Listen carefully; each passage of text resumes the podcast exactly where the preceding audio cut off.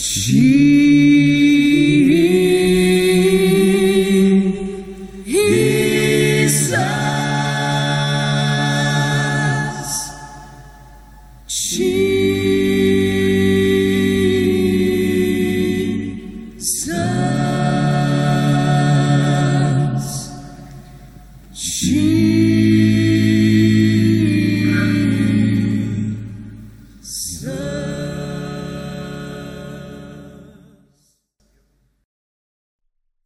Välkommen till en spännande resa med Jesuspodden.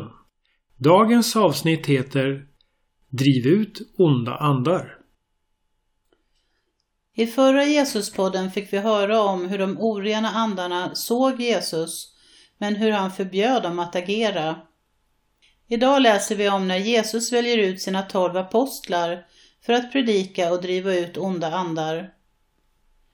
Det kan nästan upplevas som lite stötande för vissa, detta med att driva ut onda andar. Men det är för att man inte förstår den osynliga men andliga värld som finns omkring oss. Mycket av både sjukdom, lidande och religiösa överslag har onda andar i sitt följe. Hela världen är fortfarande påverkad av syndafallet och de onda makterna gör vad de kan eftersom de vet att de har kort tid kvar att verka. I Bibelns sista bok, Uppenbarelseboken, läser vi om hur alla onda makter blir slutgiltigt besegrade. Makten som Jesus har är oändligt mycket större än djävulens alla påhitt. Men du behöver åberopa namnet Jesus för att hans auktoritet ska bli synlig i just din situation. Innan du gör det är det viktigt att du bekänner synd för att bryta alla bindningar som kan hindra befrielse. Ska man då vara rädd för onda andar? Nej, inte om du tillhör Jesus. Han har gett dig makt över dem och du har auktoritet att i namnet Jesus driva alla onda andar på flykten. Dock uppmuntrar vi dig inte att söka konfrontation i onödan utan be Gud att strida för dig. Så även om du inte letar efter onda andar ska du driva bort dem när de manifesterar sig i din närhet.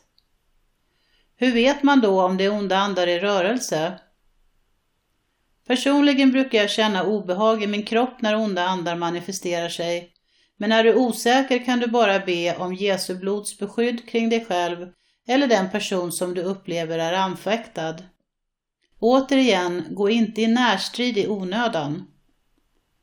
Nu till bibelberättelsen från Markus evangeliet. Lyssna så får du höra. Jesus gick nu upp på ett berg och tog med sig några som han hade valt ut.